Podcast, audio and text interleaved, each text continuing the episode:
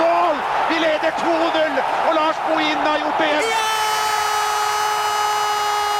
Dagny Melgren, Norge!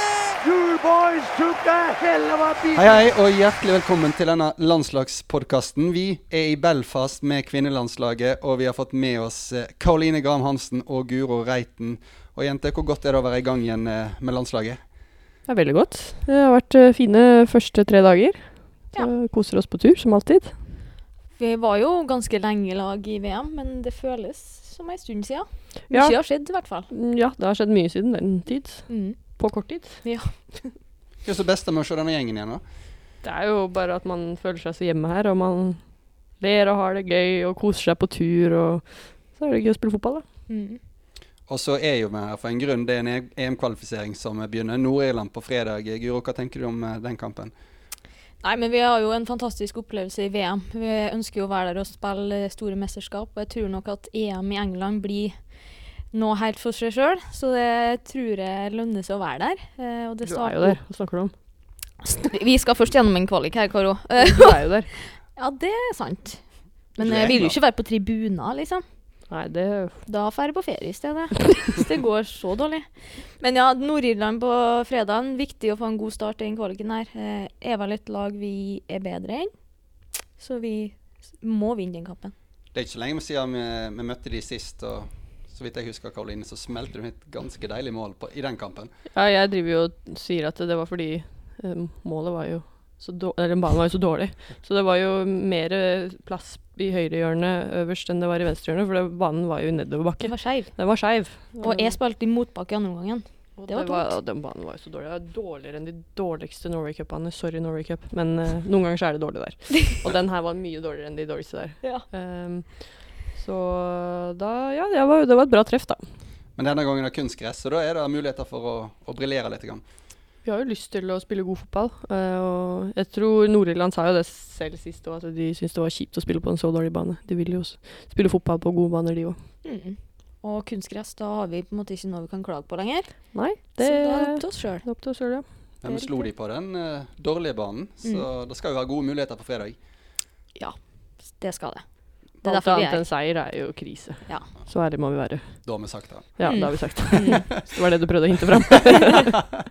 Men vi må, gå, vi må gå litt tilbake nå, for det er jo ingen tvil om at eh, VM var en enorm opplevelse for oss alle. Uh, vi må mimre litt. Grann. Eh, hvordan opplevde du, Karoline, mesterskapet i Frankrike? Uh, det var jo en utrolig reise fra pre-campen startet til ja, vi dessverre røk ut i kvartfinalen. Uh, og jeg tror kanskje det som sitter igjen som det største opplevelsen, er vel den supporten vi fikk hjemmefra etter hvert som mesterskapet utspilte seg. Eh, hvordan det til slutt var lange køer for å komme inn på kontraskjæret. Bare for å se oss spille. Jeg får gåsehud av å snakke om det.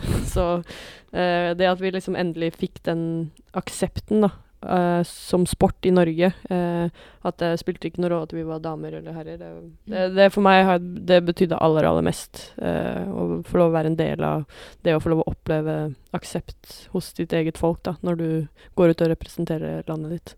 Å få så enormt hyggelige tilbakemeldinger fra Ja. alt og alle, det Selvfølgelig, Det vi fikk, jo, vi fikk jo kritikk med rette når vi Ja. røk, for vi vet jo alle at vi kunne, burde jo spilt bedre, og alle hadde sett at vi spilte Mm. bedre, men det var fortsatt så overveldende at folk liksom vurderte oss ut ifra at det bare var fotball, og folk Mm. gikk og heia fordi det var fotball, og det var Norge som spilte VM. Og, og slippe alle disse um, forhistoriske kommentarene, da. Det for meg Folk også snakke om det, fordi for meg så betydde det så utrolig mye.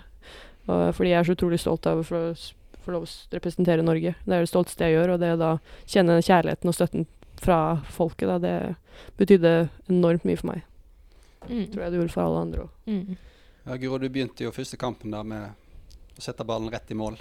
Fortell litt om den opplevelsen.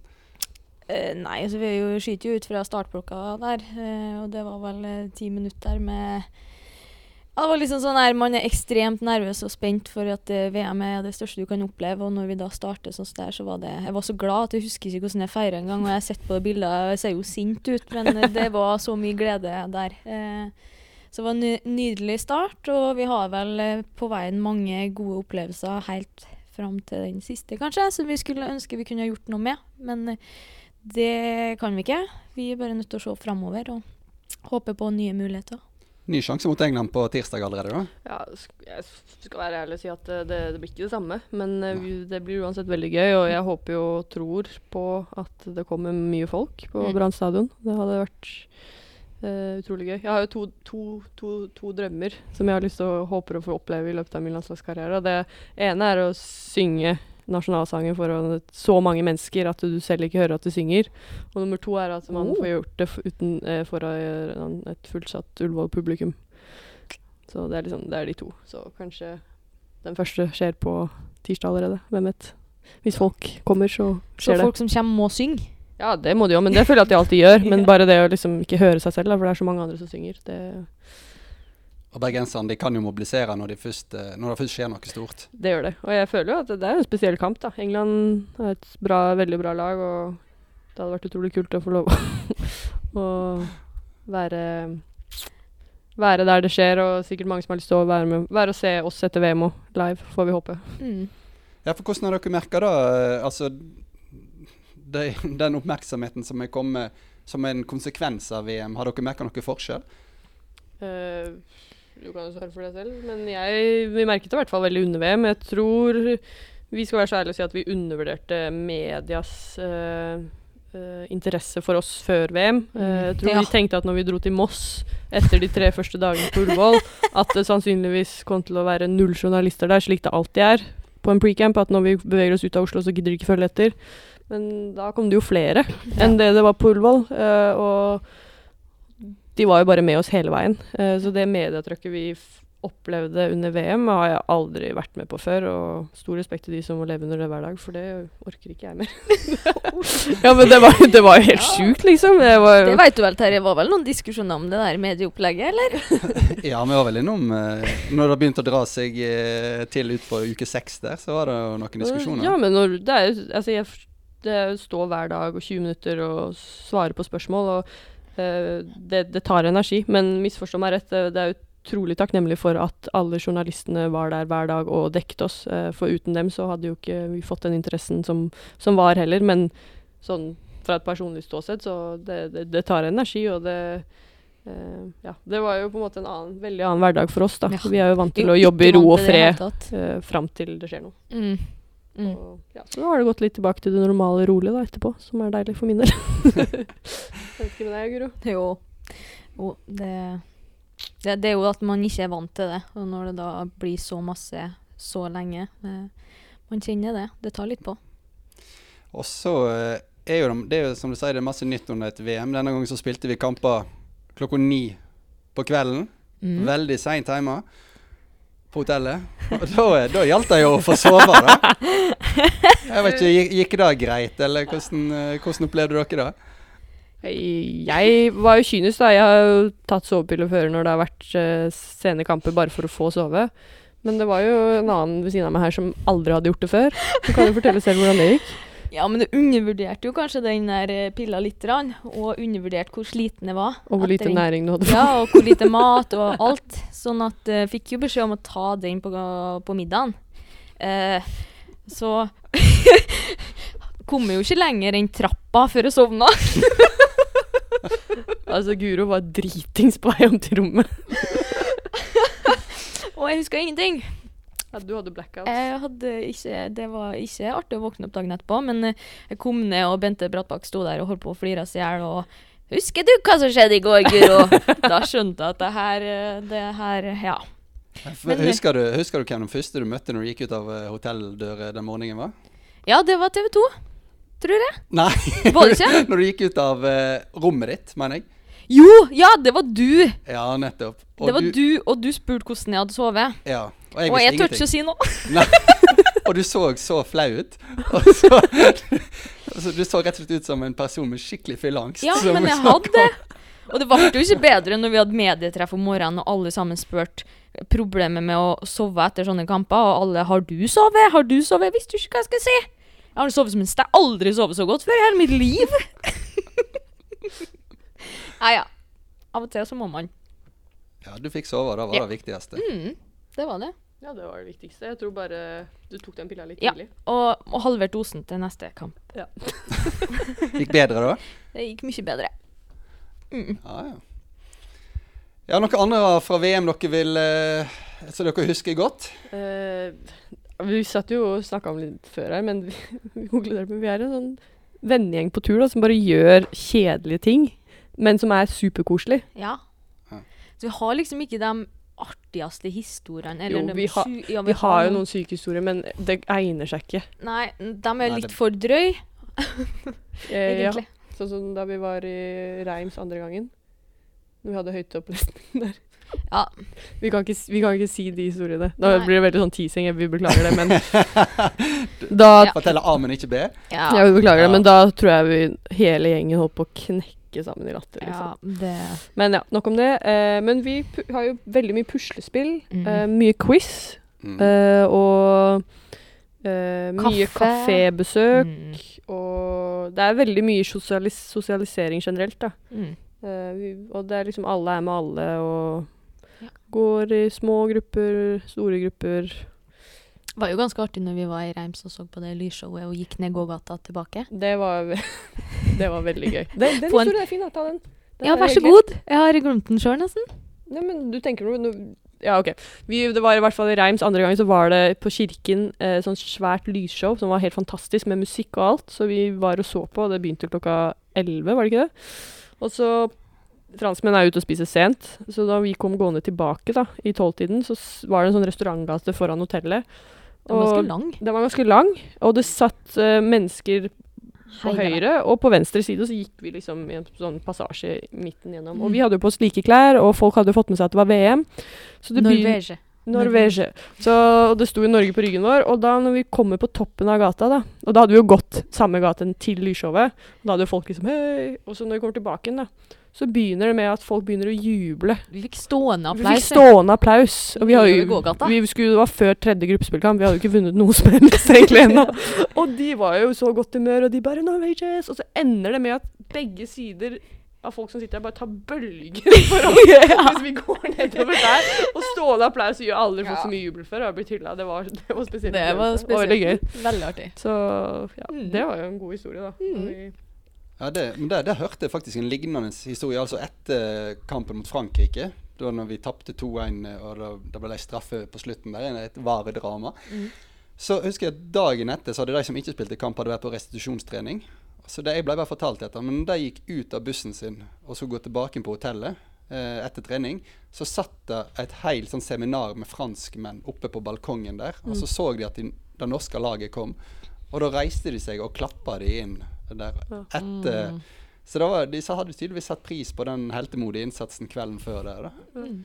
Så, så det, det er høflige folk i Frankrike. Ja, de kan være veldig høflige òg, så det var eh, Det var eh, Hva skal jeg si? Det var eh, bra for oss. Mm.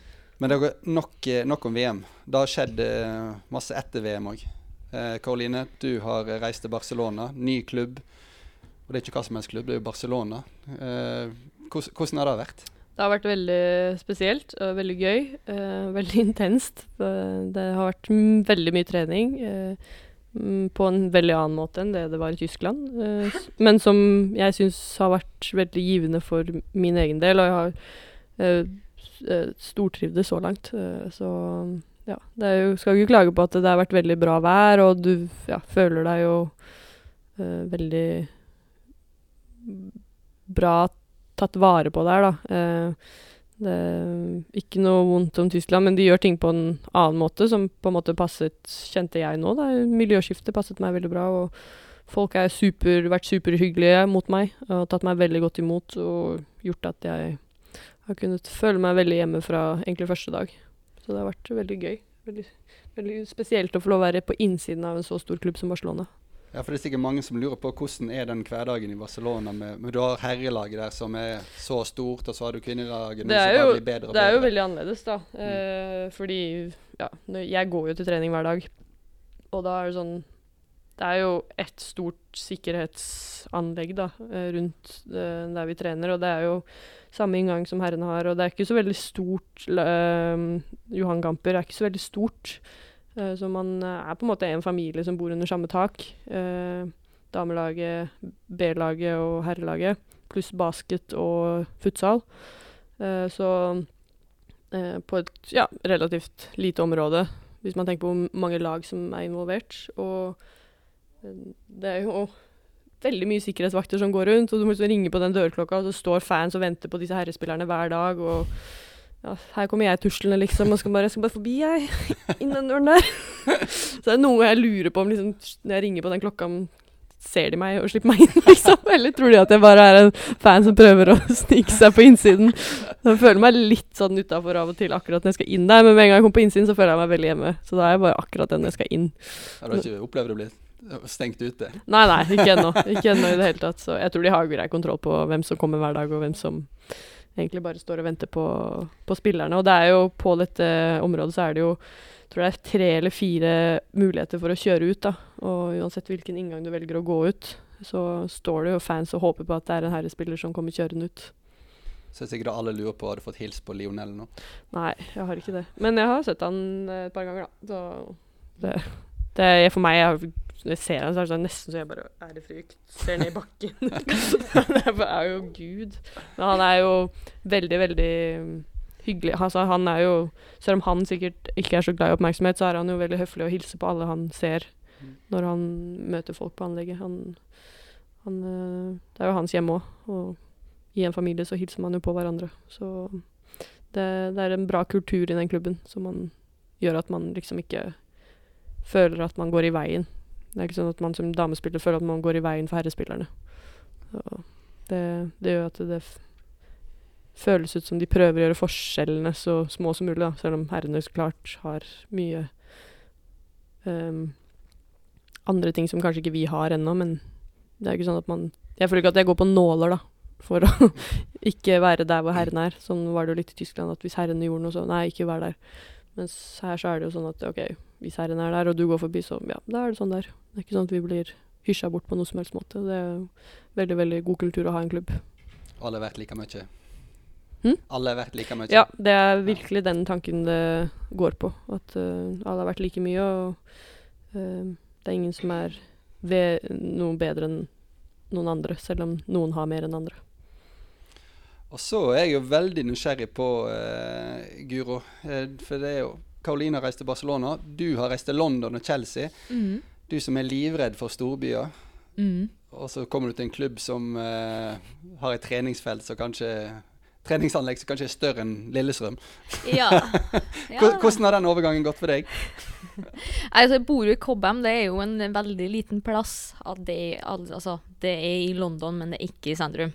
Eh, så jeg trives veldig godt på liksom, området rundt. da.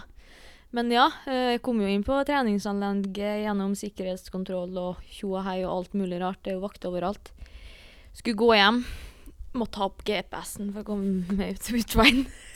det er ikke kødd engang. Ut av treningsanlegget? Ja, men var, jeg, var, jeg, jeg, er jo ikke så god på sånne retninger og sånn, så jeg var jo Trodde jo jeg fant veien, og så fant jeg ikke veien. Så måtte jeg bare opp og sjekke hvor jeg skulle ut hen. 34 fotballbaner er ikke Det er ganske mange. Nei, Da er det greit å ha GPS-en eh, klar der. Mm, ja, det er det. Men eh, nei, det, det er litt var sykt å tenke på at du har 34. På hele anlegget til Barcelona så tror jeg det er snakk om 8 eller ni. Dæven. 32-34, ja. Mm. Ja, Det, det, det sier, det er ikke så veldig stort som folk tror, da. Det er familiært lite. Altså et Mm. stort område, men ikke sammenlignet med det greiene der. Nei, det Ja. Ja, nei, det er stort. Men eh, veldig kult. Artig å prøve noe nytt. Eh, det var på tide. Eh, og jeg har jo blitt tatt imot kjempegodt av hele gjengen. Har Ikke jo lyv nå. to norske der som har hjulpet meg litt, rar, men resten av gjengen er så hyggelig. Eh, kult å få lov til å være, det, eh, være en del av noe så stort. Jeg har et spørsmål. Mm. Hvis det ikke hadde vært hyggelig, hadde du fortsatt sagt at de var hyggelige på den podkasten her, da? Eh, Ja. Da kunne jeg sagt det. Ja, sikkert. Nei da, men veldig bra miljø i klubben. Eh, og veldig, veldig gode fotballspillere. Ja, hvordan har den overgangen vært fra toppserien til, eh, til England der? Mm, Det er jo en mye mer fysisk liga. Det har jeg skjønt liksom på trening. For jeg lå jo mer på bakken. Jeg var på beina første økta, og da var det liksom bare 'Welcome to England'. Så eh, det var grei beskjed å få. Um, men eh, Nei, det går jo fortere, da. Du må ta valgene dine og beslutningene litt fortere, hvis ikke så blir du sprunget ned. Eh, Men det er jo derfor jeg tok det valget, da. Har jo lyst til å bli bedre. Da må alt skje litt fortere og være litt skarpere og mm.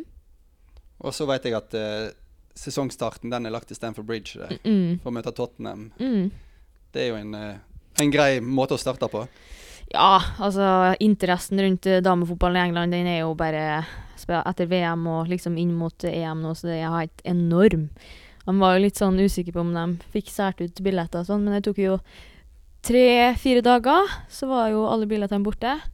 Så det blir jo 40, 40 000, 42 40 000 på Stamford Bridge. Det hadde vært artig. Ja, Mm. det er jo fint å få seg noen eh, minutter der, da. Mm. Det hadde. En fin stadion. Ja, veldig fin stadion. Hva tenker du, Karoline? Har vært ute lenge nå. Hva tenker du om at flere og flere av dine lagvenninner på landslaget nå eh, stikker ut til, til større liga og større utfordringer? Jeg syns jo det er veldig positivt. eh, både for eh, norsk fotball generelt og for landslaget. Eh, det viser jo at man har gjort en bra jobb de siste årene, da, når så mange store klubber har lyst til å hente eh, norske spillere til, til disse klubbene. Også for landslagets del så er det sånn eh, Når vi ikke har klart å gjøre en bedre jobb de siste årene, da, med hjelp fra NFF bl.a., eh, på å få toppserien til å eh, bli holde internasjonalt nivå, da, så på flere klubber, eh, så innser man jo at da må de beste spillerne ut. Og det at det er så mange som drar ut da, det er veldig, veldig bra for, for oss som landslag. Og ja, jeg håper jo at alle lykkes. Det, det er noe annet å være der ute. Det er annen kultur og flere om beinet. Og eh, som Guro sa, det går mye fortere.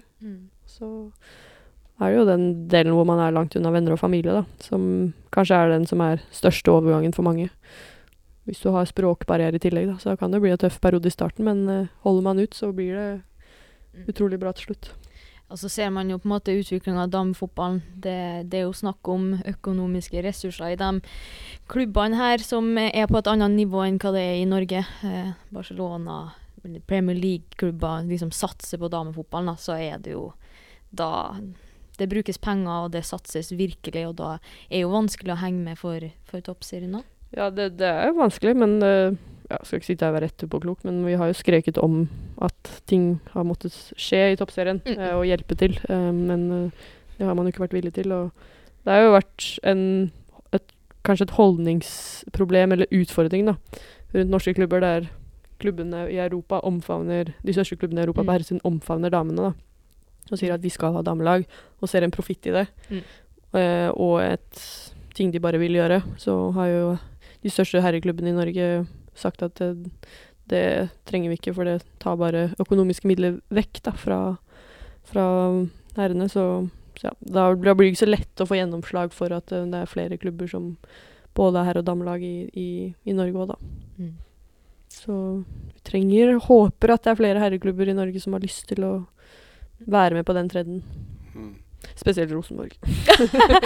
Oi, Nå i har, ræva. nå, har vel de, åpna opp for at de skal, skal lære det. Det, og det er kjempebra. Eh, spesielt når de gjør så bra som de gjør det nå i Europa. Og de kval har kvala til Europaligaen hvert år, og de var så nære å klare Champions League nå, eh, som hadde vært fantastisk for norsk fotball. Mm.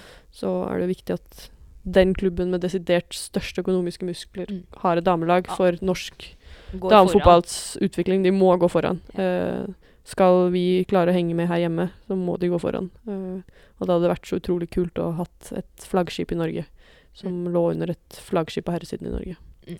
Så det er jo en drøm, da. Så får vi fri litt her, og så får vi se hva som skjer. Mm. Jeg vet aldri hva som skjer. Det er i hvert fall i utvikling eh, kvinnefotballen i, i Norge òg nå. Så det blir Mm. spennende å se hva som, hva som skjer i årene fremover. Mm. Det er jo en del som har sendt spørsmål inn til dere.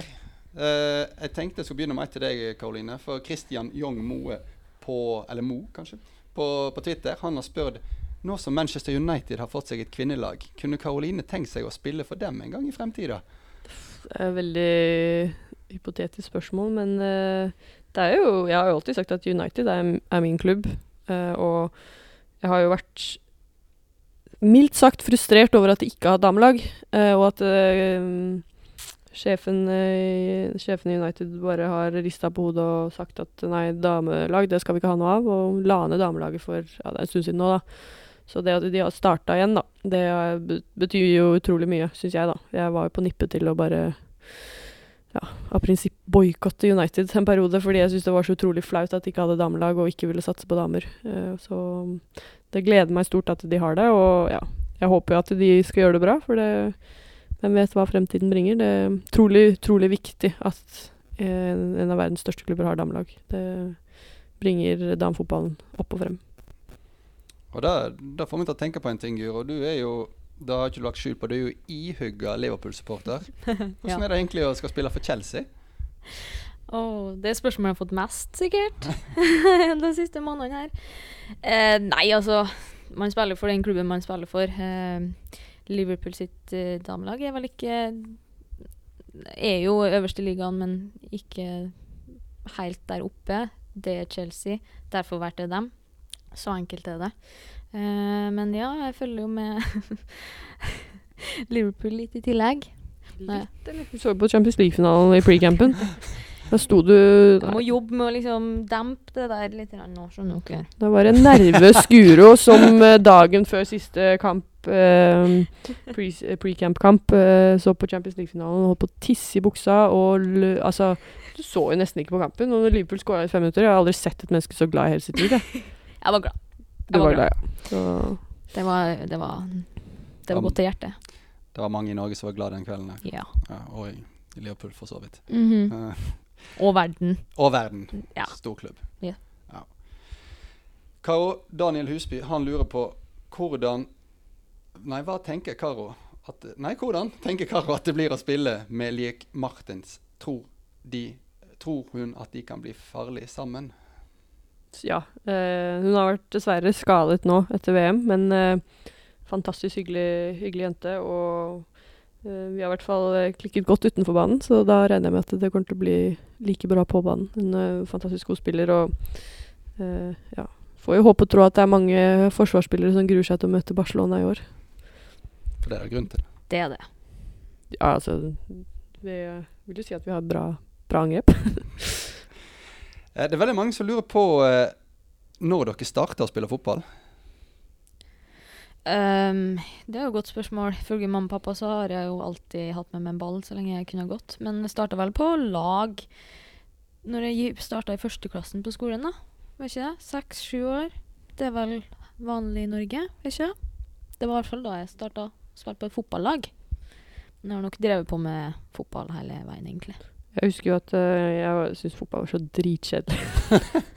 Da ja, men jeg husker pappa så på fotball på TV og syntes det var så kjedelig.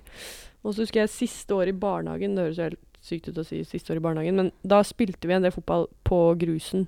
Og det husker jeg syntes var så gøy. Og egentlig siden da har jeg vært bitt av basillen. Men jeg husker sikkert Ok, jeg i barnehagen fire-fem år, da, så kanskje litt før det, da.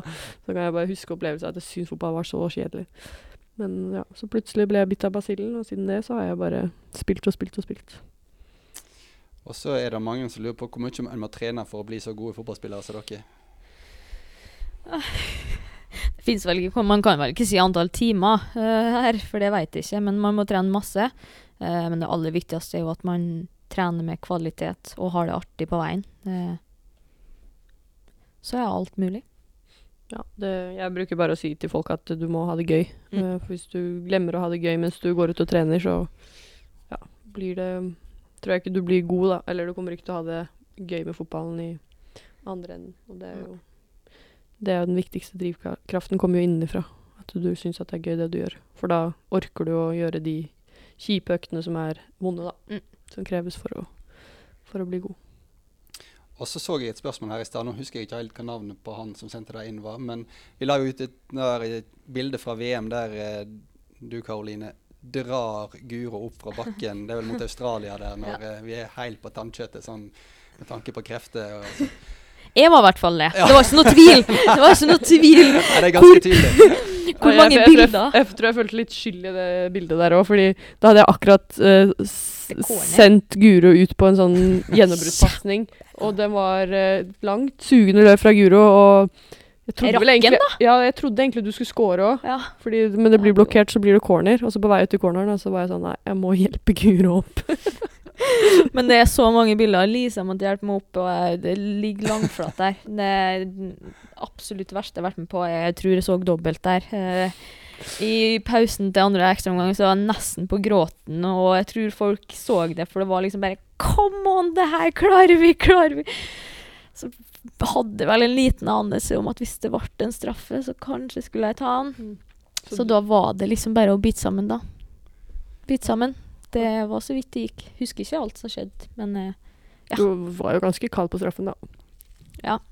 det var vi alle. Jo, jo, men sånn, når du bra. forteller det her nå, så tror jeg ikke folk hadde tenkt at du var så kjørt da, på straffen. Nei, nei, men det var jeg. Det har aldri vært så sliten før.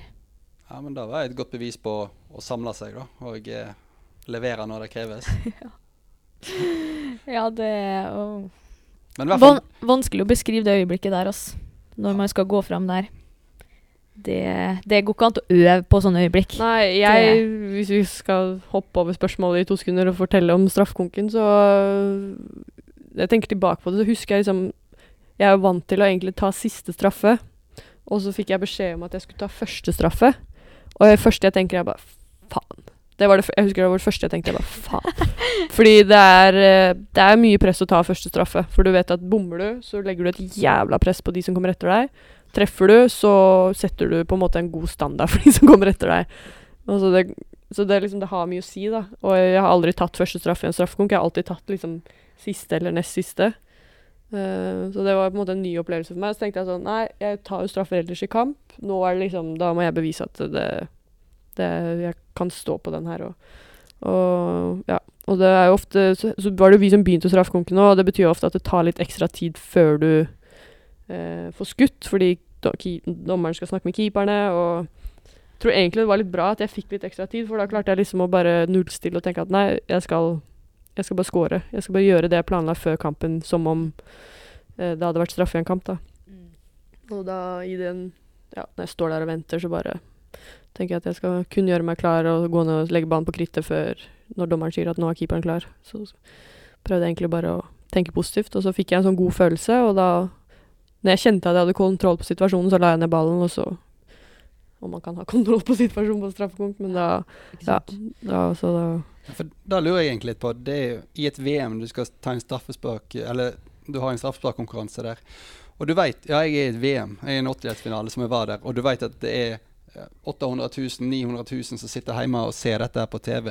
Hvor mye sperrer han ute de tankene? Er du bare i den bobla da? Ja, det var jo det som var greia. for det, først så tenker man jo den negative Eller jeg tenkte den negative tanken at shit, jeg skal ta første straffe. Fy faen, så ekkelt det er.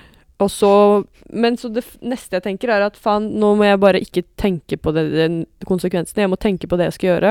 Og fra det sekundet jeg liksom tenker på bare det jeg skal gjøre, så sto det ikke noe annet i hodet på meg enn at jeg skal score. Og jeg tenkte bare Det høres veldig rart ut, men jeg har sånn teknikk hvor jeg tenker at jeg står bare hjemme i hagen, og jeg skal skyte den ballen i mål som om eh, det, det er bare meg, keeperen, og så er det ballen. Og så det, skal jeg bare sette den i mål. Og det har jeg gjort så mange ganger før. Og når du på en måte da bryter det ned til noe så enkelt, da, eh, og noe som for meg gir meg en så god følelse inni meg, for jeg har gjort det så mange ganger før, så får, du, fikk jeg, får jeg da en sånn eh, enorm trygghet på at det jeg skal gjøre nå, er veldig lett. Og da klart, klart, klarer jeg å slappe av i sånne situasjoner hvor det er mye press og stress. da. I hvert fall når du skal fram og ta straffe. Og så er det sånn du har øvd på før, da. Det handler jo om visualisering, men da klarer jeg i hvert fall å blokke ut alle de tingene du ser. Så, så, så når jeg sitter her nå og prater om det, så blir jeg mer nervøs. For jeg, da tenker jeg jo på alt det presset som faktisk var. Eh, Ja, det er helt sykt. Samme med meg. òg. jeg var ekstremt nervøs når du gikk fram, for jeg visste at det var neste. Og så, men akkurat liksom når du da tar skrittene mot der, så er det sånn Det fins ingenting annet. Du, det er du, det er ballen. Du vet hvor du skal sette den. Det er bare å gå og gjøre det. Mm. Du ser liksom ingenting annet, da. Og så gjør du det, og så Og når det går i mål, da? Jeg kjente bare sånn enorm lettelse. mm. Det er, jo, det er jo veldig sånn Det skulle være glede, men jeg tror de fleste som scorer på Ja. straffekonk, kjenner lettelse. Det er Over at du har gjort din jobb for, for ditt lag. Ja. Det er jo sånn med en straffekonk. Det alt Det må bli en syndebukk. Ja. Uansett. Så, så ja, men eh, jeg føler at det, vi som lag òg Jeg husker at jeg på den straffekonken nå bare gikk rundt og sa positive greier til alle. Bare, Mm. bare bestem deg for et hjørne. Pust, gjør din ting. Ikke stress, ta deg god tid. Bare gikk rundt. Og så når vi scora, så tror jeg jeg jubla som en idiot hver gang. For det er viktig å vise følelser, og det psyker ned det andre laget. Og det psyker opp dine egne lagkompiser, så Ja. Og det var jo ting vi hadde snakka om på forhånd, Ja. om hvordan vi skal hjelpe hverandre og Mm. ja, bryte ned til det enkle. Mm. Så hjernen er en tricky sak, men uh, det enkle er ofte det som funker. Og bare ta det ned til ting som funker, funker for deg selv, da. Ja, det er, det, er som du sier, det er ganske fascinerende akkurat det, for folk har jo sine egne måter de jobber på mentalt og sånt. Og eh, det er snakk om å stenge ute de ytre faktorene. Jeg, jeg så Wimbledon-finalen mellom Federer og eh, Djokovic. Ja, det er sykt jeg har sett. Ja, Den drog jo ut til fem setter der, og det tok jo aldri slutt. Og alle på stadion heier på Federer. Mm. Og, og så fikk jo Djokovic, han vant jo til slutt. Mm. Og så eh, får han spørsmål på pressekonferansen etterpå. Hvordan er det å stå der ute når alle på stadion står og roper navnet til Federer, og du har alle mot deg? Og da svarte han bare Nei, jeg bare I mitt hode så later jeg som om de ropte mitt navn. Mm. Og folk begynte å le, men han var dønn seriøs. Mm. Det var sånn han jobba med det. Mm. Det var bare Jeg later som om de roper mitt navn, og da hjelper det meg.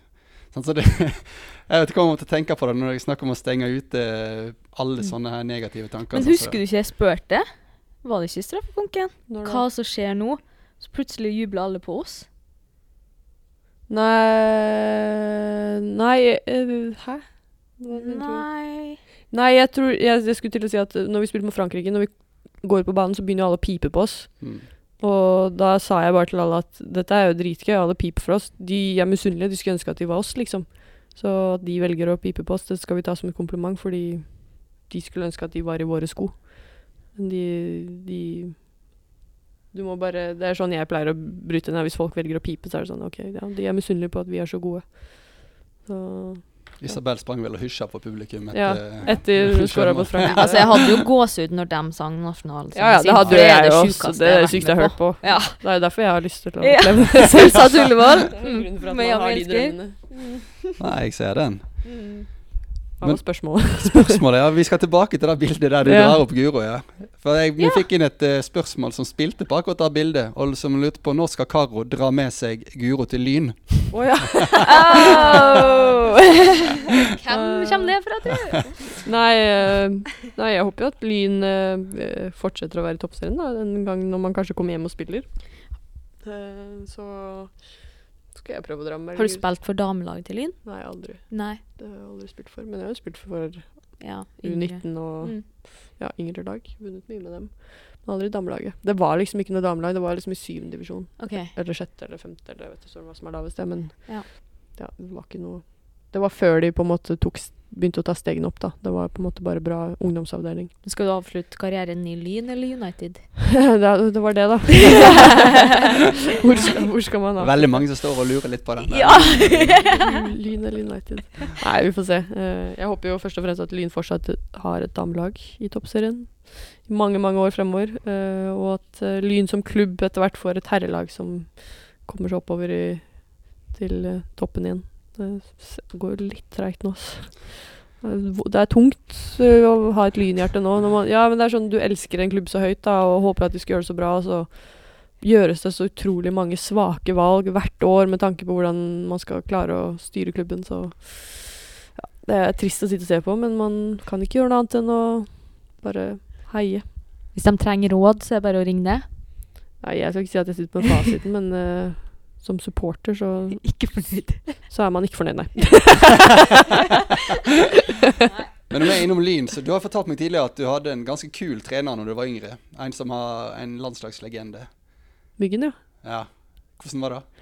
Det var utrolig gøy. Jeg var jo veldig god venn med sønnen, også Jonas. Vi gikk i samme klasse. Så vi var jo sammen og spilte samme fotball hele tiden. Og så var jo Vi spilte jo på samme lag, og da Faren min var trener, og Erik var jo en del av de som trente, så det var utrolig kult å få lov å ha, ha Myggen som trener. Han hadde jo så genuin glede for å hjelpe oss opp og frem, da, og bydde på sine erfaringer og kunnskap og uh, ja, han som trener, det var noe han trivdes med. Han elsket det, og du kunne se at når han holdt på med oss og trente oss, så, så, så kosa han seg. Uh, så det var, eh, det var kult å få lov å, å bli trent av Myggen. Og jeg tror liksom for når du er barn, da, jeg tror han kom Begynte å ha Eller Jonas og de kom til oss da vi gikk i fjerde klasse. Da er du vel ti år.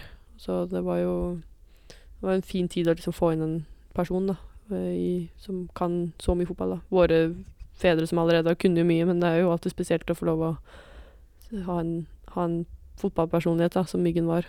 Uh, også. Men når du er kid, så tenker du ikke så mye over det. Bare 'Å, jeg har spilt på landslaget', jeg har spilt på landslaget. Og det var det vi tenkte, og så er det først i ettertid du har skjønt liksom, hvilken legende du egentlig fikk lov å ha som trener. Ja, og For de unge lytterne her som ikke vet hvem Myggen er, så må man bare si en av de aller beste fotballspillerne vi har hatt i Norge. Så det må være stas å ha han som trener. Vi må snart uh, runde av her. Uh, Guro, vi skal jo møte England på tirsdag. Mhm. Og Der møter jo du en del av dine lagvenninner. Mhm. Hvordan, uh, hvordan ser de på den kampen? Gleder de seg? Ja, det tror jeg de gjør. Eh, England er jo Skal jo spille OL, men det er vel som Storbritannia, ikke sant? Jo, tror det. Så de har vel litt sånn tester litt nye, tror jeg, og ja. Det kan vel ha med seg Irland og da? Ja, Skottland, Men har de med seg det nå? Det vet jeg ikke, Nei, faktisk. det det kan jeg ikke. ikke si. Men ja, eh, nei, jeg tror de gleder seg veldig. Altså, det er jo stort å få lov til å ha på seg landslagsdrakta, og det syns de òg. Um, så jeg regner med det blir en tøff kamp, det der, altså. Men eh, vi har en veldig mye viktigere kamp på fredagen, om det går an å si det. Ja, det er viktighetsgraden er Ja. litt til å sammenligne Ja. seg. Mm. Det er helt sant. Den, eh, den kampen må vi vinne, rett og slett. Ja. Og så må vi, Men så når først tirsdagen kommer, så må vi ha en appell til bergenserne. Vi må bare be dem om å komme seg på kamp, fylle opp stadion, lage en uh, fest. Ja. Og så skal Og det må si, for jeg, jeg står jo alltid sammen med Chris når vi synger 'Ja, vi elsker'. Så jeg synger jo 'Ja, vi elsker' på bergensk. Ja, vi elsker! altså, jeg må jo Jeg legger om. Så jeg er klar for 'Ja, vi elsker' på, i Brann stadion, altså.